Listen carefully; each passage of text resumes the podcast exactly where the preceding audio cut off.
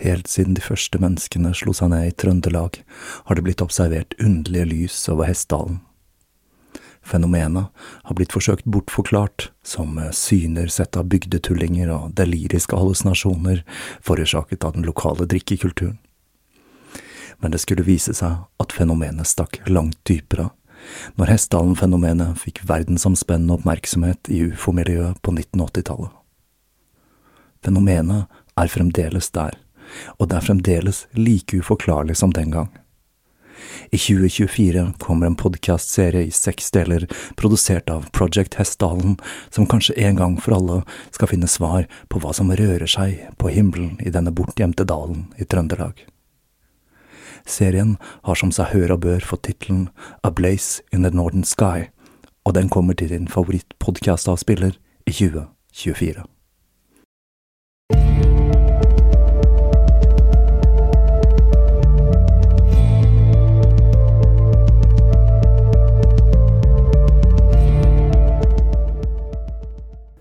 Hei og velkommen til Tåkeprat. Jeg heter Even, og når jeg tar opp denne episode 209, er det torsdag den 26. januar 2023. Nå er endelig tiden inne for den andre delen i serien om Englands forsøk på å finne den myteomspunnede Nordvestpassasjen. Siden sist har jeg hatt en liten liveopptreden på Drammen Podcast Festival, for de som møtte opp, fikk muligheten til å høre reviderte utgaver av tidligere tåkepratklassikere, blant annet historien om ørnen og svenskenes forsøk på å bli en polarnasjon. For de av dere som er interessert i å høre opptaket av den liven, så er den lagt ut som en egen spesialepisode på Patrion, som en liten gest til dere som støtter Tåkeprat der. For det er jo dessverre sånn med podcaster at vi som har valgt det loddet i livet, ikke får en eneste krone fra plattformer som iTunes og Spotify og det er årsaken til at Podkast-Norge bakser litt med armer og bein, og har en haug med ulike løsninger for å forsøke å få betalt for jobben de gjør. Jeg for min del har jo altså, i hvert fall enn så lenge, lagt meg på den gamle modellen til podcasting. Den er gratis, men om du vil bidra, så kan du gjøre det, enten via Patrion eller via donasjoner. Fordelen for meg med Patrion er jo selvsagt at jeg vet hva jeg får inn fra måned til måned, og det er også noen lyttere som gjør det samme som Patrion gjør, med VIPS, og det setter jeg selvsagt også veldig pris på. Og så var det én ting til jeg føler det er lurt å nevne, for jeg får relativt ofte spørsmål om hvor jeg henter de ulike musikksnuttene jeg bruker fra. Og svaret på det er at all musikk til denne podkasten er noe jeg produserer selv til hver enkelt episode. Det gjelder også den gode gamle kjenningsmelodien til Tåkeprat. Jeg legger ut det jeg lager på Patrion-siden for de av dere som er interessert i det. Jeg har også laget et par fullengdelåter i løpet av podkasten, og jeg håper jeg får tid til å gjøre mer av senere. Siden sist har jeg også sett Netflix-filmen Against the Ice, som handler om en dansk polarekspedisjon i 1909, og som derfor passer ganske så godt inn i tematikken i denne serien. Selv om handlingen foregår noen år etter Franklin-ekspedisjonen, så kan man føle litt på desperasjonen som preget disse tidlige polarekspedisjonene, om du skulle føle behov for mer av det.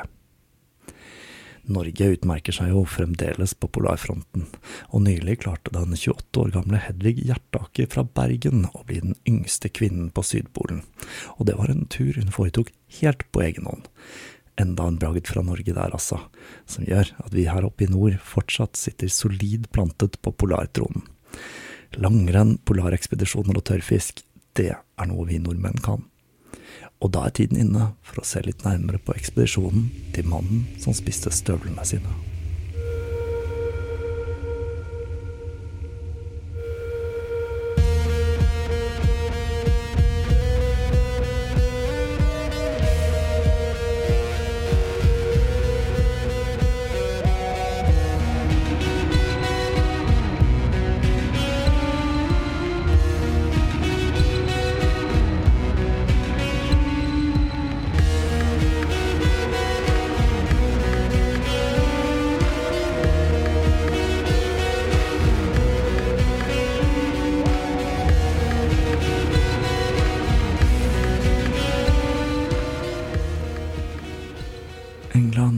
Altså tromlet sammen den mest velutstyrte ekspedisjonen noensinne, og dagene før avreise var fylt med forventning og spenning for mannskapet til Erebus og terror. og Franklin troppet opp på mang en fest for å snakke om det store eventyret de hadde foran seg. Mannskapet hadde fått forhåndsbetaling, så det er ikke utenkelig at en god del av lønna deres ble brukt opp nettopp under festivitasen før avreise. Skipene ble inspisert en siste gang den 9. mai 1845, og Times skrev en artikkel om hvor godt utstyrt de var. De hadde med seg flere kister med te, et rikelig lager med rom, tobakk, nesten 1000 liter vin og sjokolade. Når det gjaldt mat, så hadde de med seg nesten 8000 hermetikkbokser med konservert kjøtt, grønnsaker og suppe, i tillegg til 546 kilo med pemmikan på boks. De hadde også med seg sitronsaft for å stagge den fryktede skjørbuken. Pemmikan er jo noe vi har vært borti tidligere her i Tåkeprat. Det er en blanding av spekk og tørket kjøtt som blant annet Jack Hornby sverget til.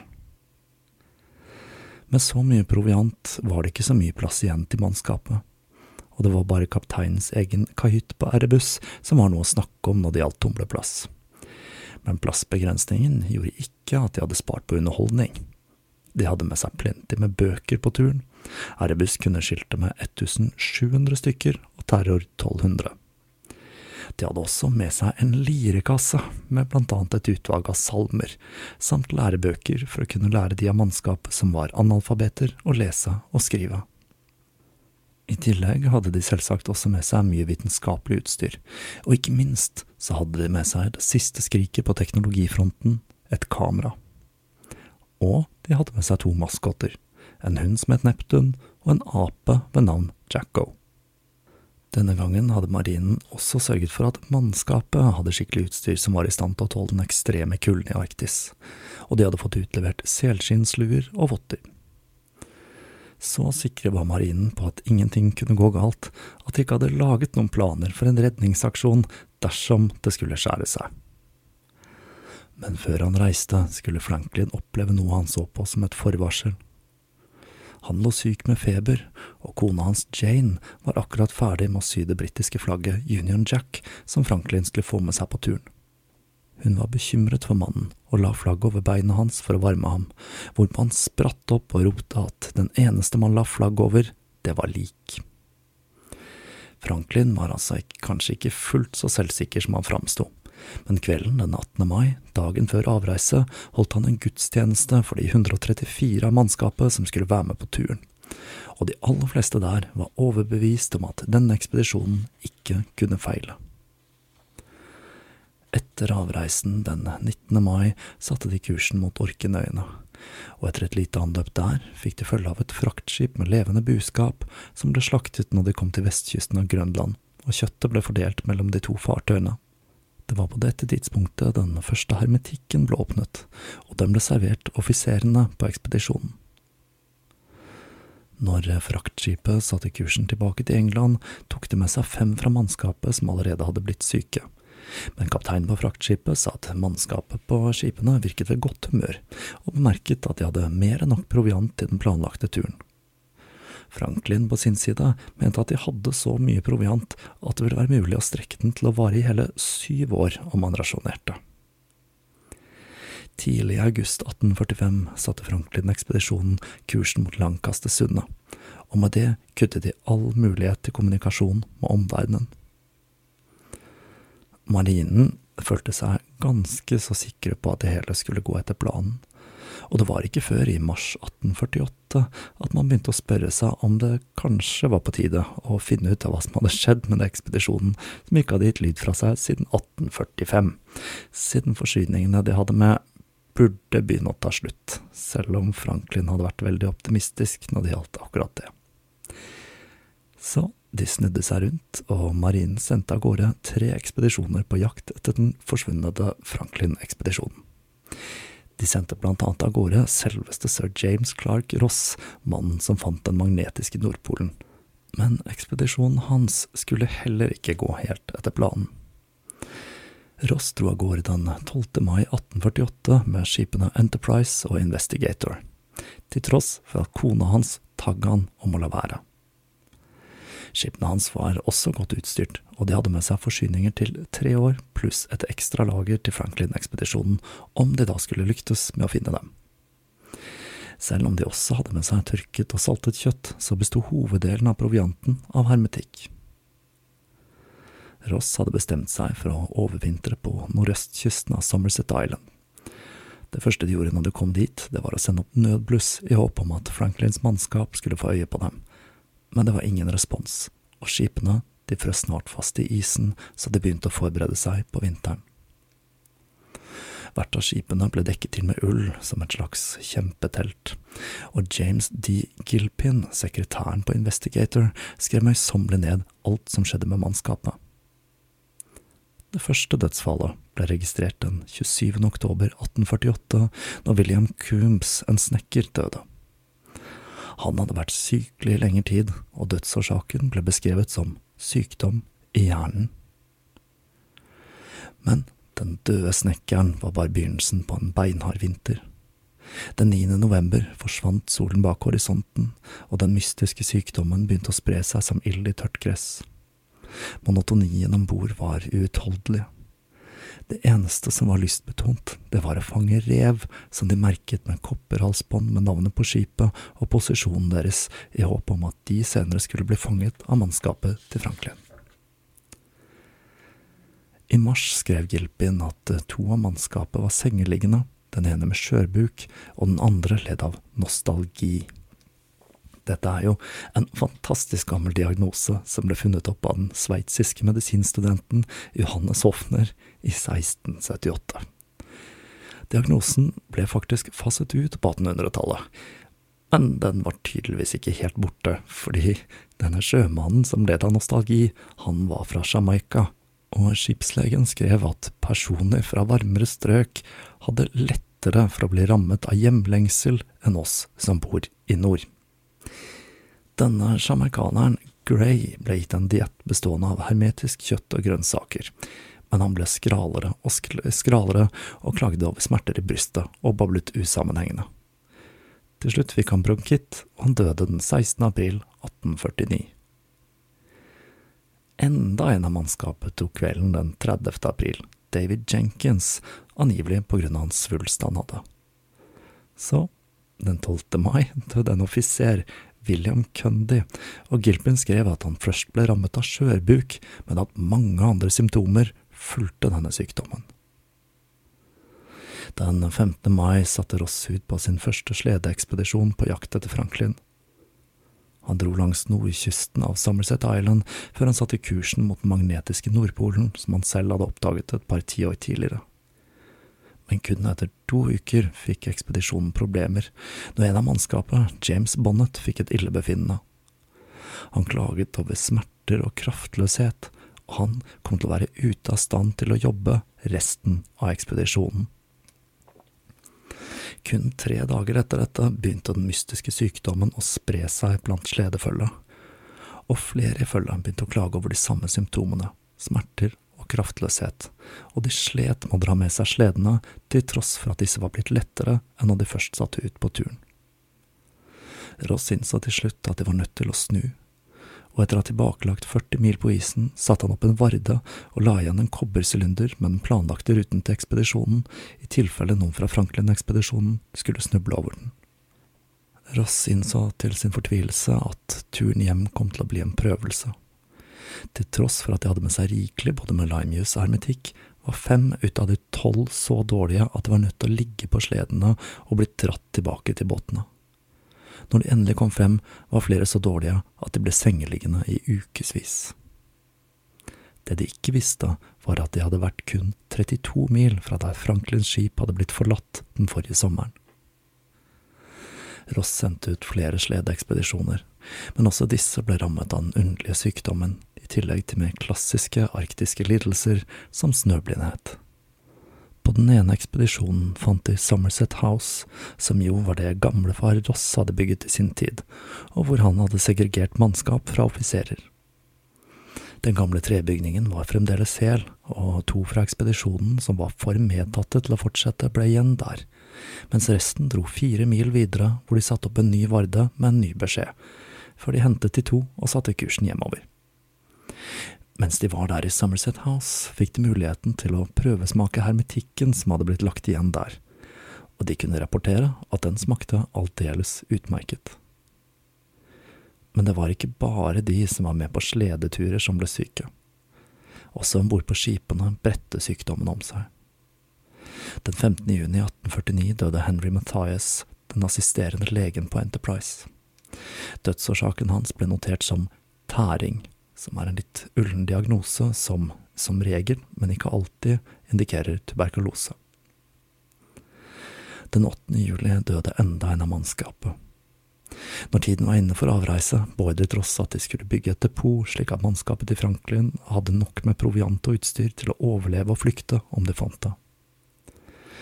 Ross forsøkte å dra seg vestover, men det ble snart klart at eh, allmenntilstanden til mannskapet var så dårlig at de var nødt til å sette kursen hjemover mot England.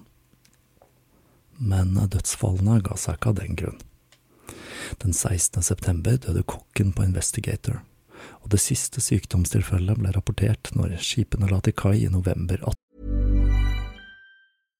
How would you like to look five years younger? In a clinical study, people that had volume added with Juvederm Voluma XC in the cheeks perceived themselves as looking five years younger at six months after treatment. Look younger, feel like you. Add volume for lift and contour in the cheeks with Juvederm Voluma XC. Reverse signs of aging by adding volume to smooth laugh lines with Juvederm Volure XC. For important safety information and to find a licensed specialist, visit juvederm.com. That's J U V E D E R M.com. Not for people with severe allergic reactions, allergies to lidocaine, or the proteins used in Juvederm. Common side effects include injection site redness, swelling, pain, tenderness, firmness, lumps, bumps, bruising, discoloration, or itching. There's a risk of unintentional injection into a blood vessel, which can cause vision abnormalities, blindness, stroke, temporary scabs, or scarring. Talk to a licensed specialist to find out if it's right for you.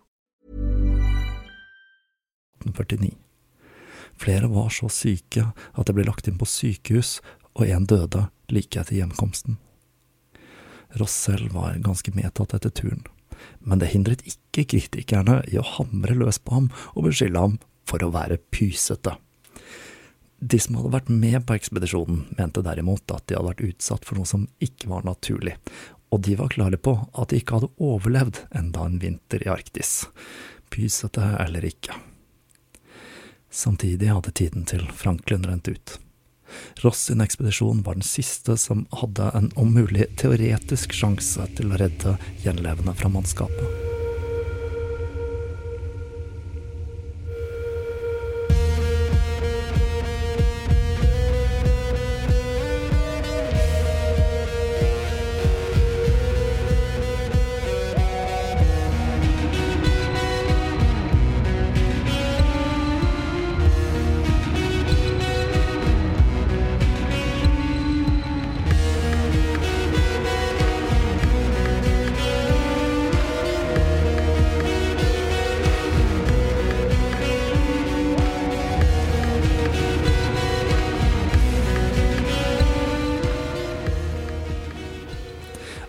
Skjedde med mannskapet, forble et mysterium for historien.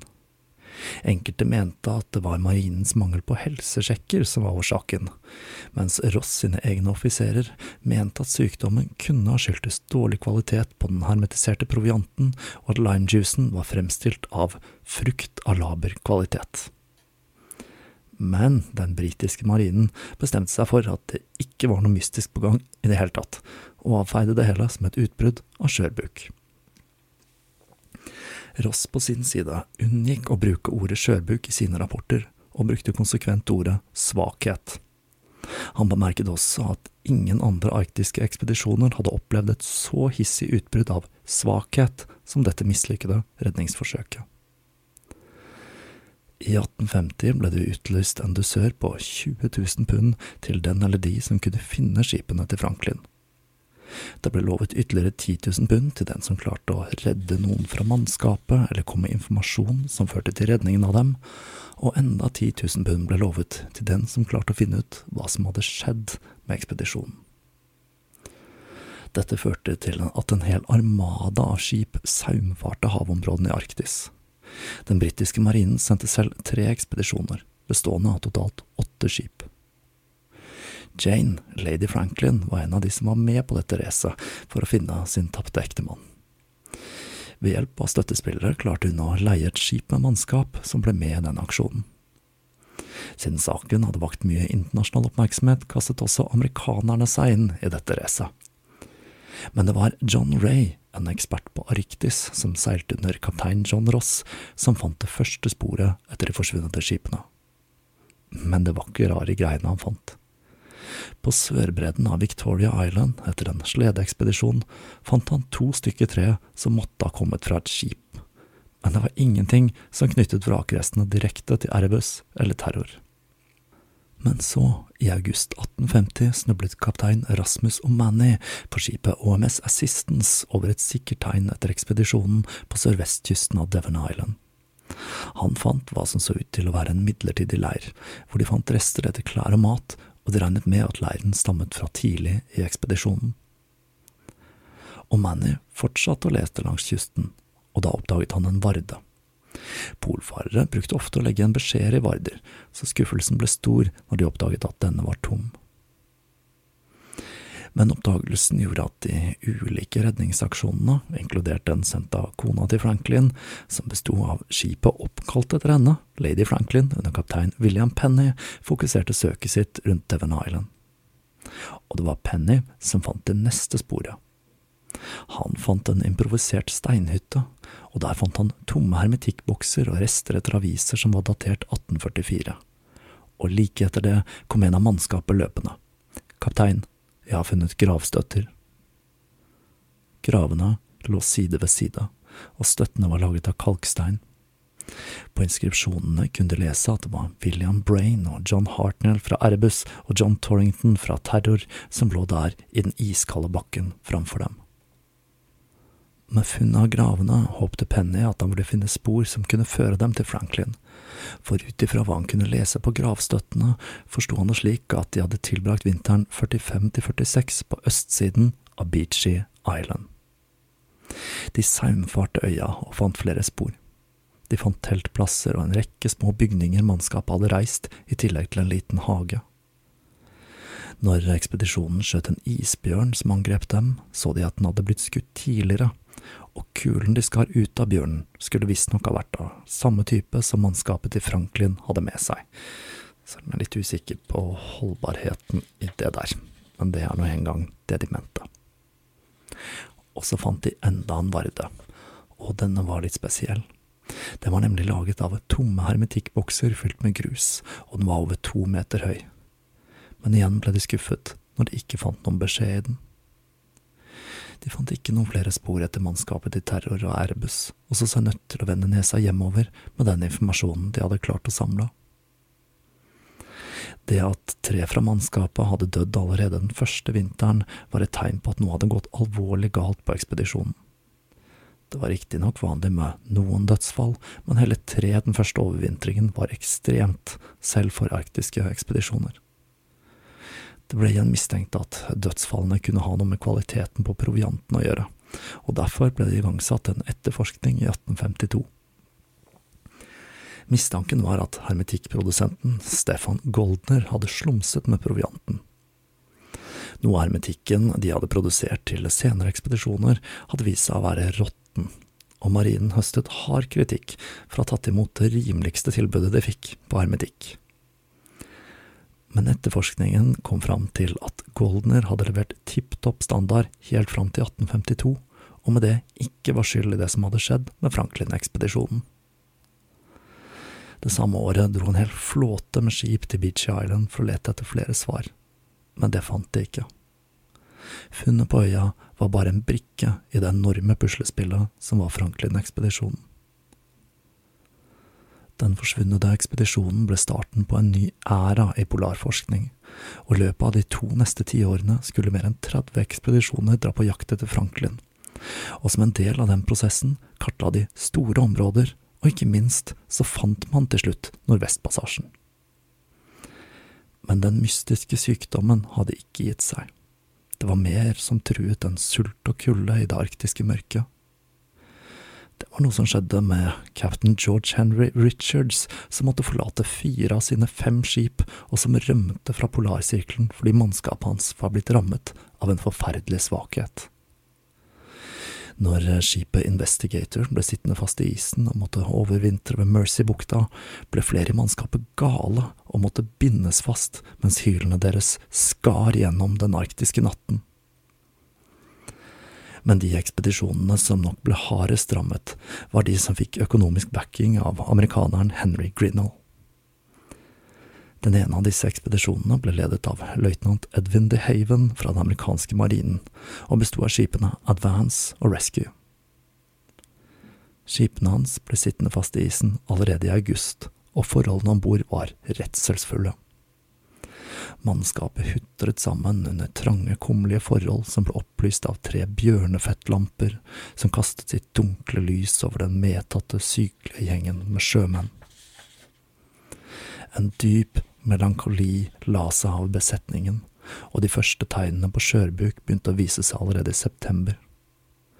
Når julen kom, hadde de begynt å bli kortpustet, og de begynte å få en merkelig trang til å spise kjøtt. Mannskapet var bleke og sykelige og hadde underlige drømmer. En beskrev hvordan han hadde drømt om John Franklin som var i en lund med appelsintrær, og en annen om hvordan han hadde besøkt en kyst som var full av vannmeloner. Løytnanten selv ble også rammet, og ble nødt til å si fra seg kommandoen over ekspedisjonen. Han klaget blant annet over hvordan et sår han hadde fått 25 år tidligere, da læreren hadde slått ham over hånden med en linjal, hadde begynt å verke. I februar lå hele tolv av mannskapet i store smerter med stive lemmer. I mai klarte mannskapet å felle en rekke sel og hvalross, og med ferskt kjøtt klarte de å avverge fullstendig katastrofe, og de kom seg hjem igjen uten større tap. Den andre ekspedisjonen ble ledet av Elisha Kent Kane, som var en skikkelig staut, barka arktisk oppdager og eventyrer. Han så på ekspedisjonen med romantiske øyne og fabulerte om hvordan han skulle utforske skrekkens mystiske landskap. Og det skulle han jaggu meg få. Han etablerte en vinterleir på vestkysten av Grønland, og den harde tilværelsen begynte umiddelbart. Skipet hans var ikke isolert, noe som naturlig nok ikke er så veldig smart når du skal på en polarekspedisjon.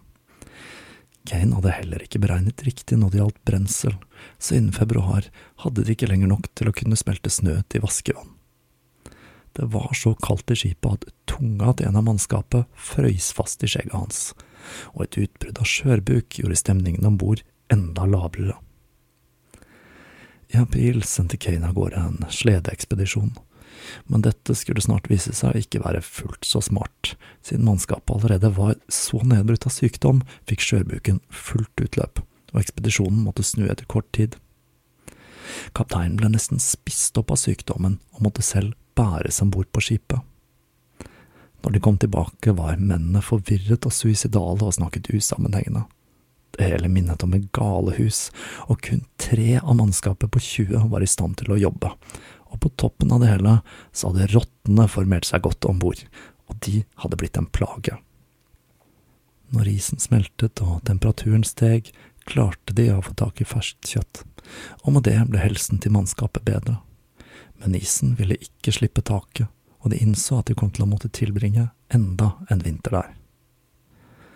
Kane skulle vise seg å ikke være den mest omgjengelige kapteinen, han ble irritabel og kranglete, og han elsket å holde lange monologer for mannskapet, hvor han brukte latinske fraser for å understreke at han var høyere utdannet enn de var.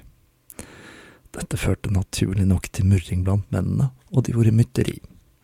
Syv stykker tok en slede og satte kursen mot Uppernavik, den nordligste danske bosetningen på Grønland, men de oppdaget snart at de hadde tatt seg vann over hodet, og de måtte snu, dra tilbake og be om tilgivelse. Den andre vinteren var grusom. De var så syke at kjøttet skled av beina og eksponerte sener og knokler. Det eneste de hadde å spise som kanskje kunne tenkes å stoppe skjørbuken, var potetskrell som var tre år gammelt.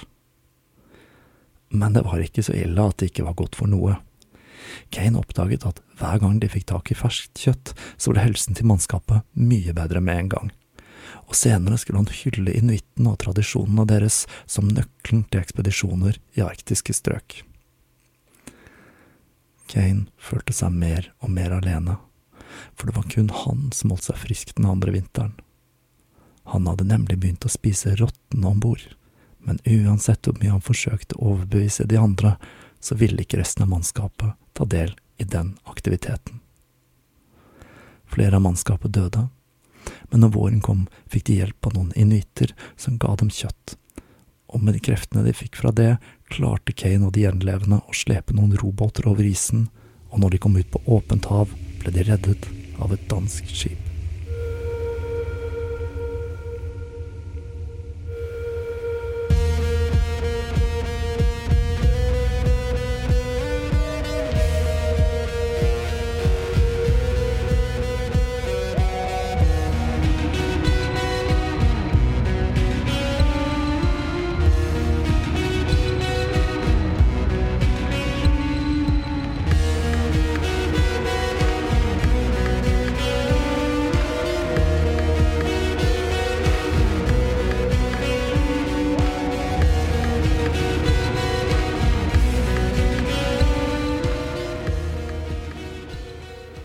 Det forlater vi forsøkene på å finne Franklins tapte ekspedisjon.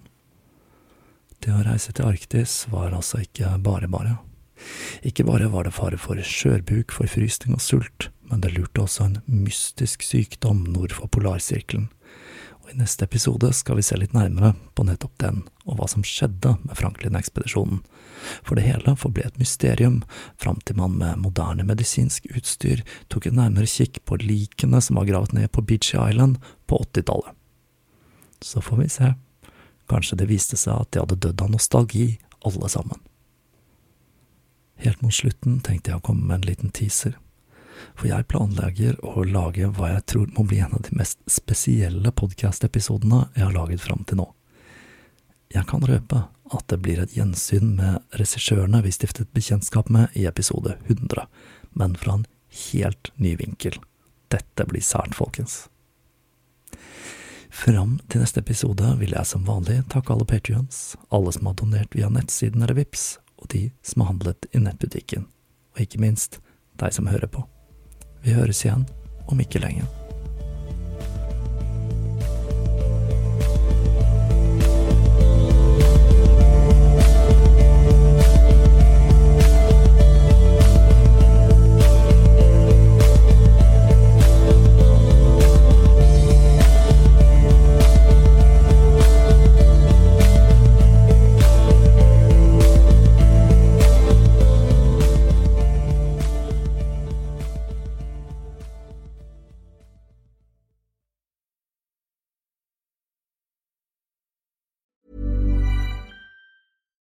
When you make decisions for your company, you look for the no brainers. And if you have a lot of mailing to do, stamps.com is the ultimate no brainer. It streamlines your processes to make your business more efficient, which makes you less busy. Mail checks, invoices, legal documents, and everything you need to keep your business running with stamps.com. Seamlessly connect with every major marketplace and shopping cart. Schedule package pickups and see your cheapest and fastest shipping options from different carriers with rates up to 89% off USPS and UPS rates. And with the stamps.com mobile app, you can take care of mailing and shipping wherever you are. Make the same no-brainer decision as over 1 million other businesses with stamps.com. Sign up with code program for a 4-week trial plus free postage and a free digital scale. No long-term commitments or contracts. That's stamps.com. Code program.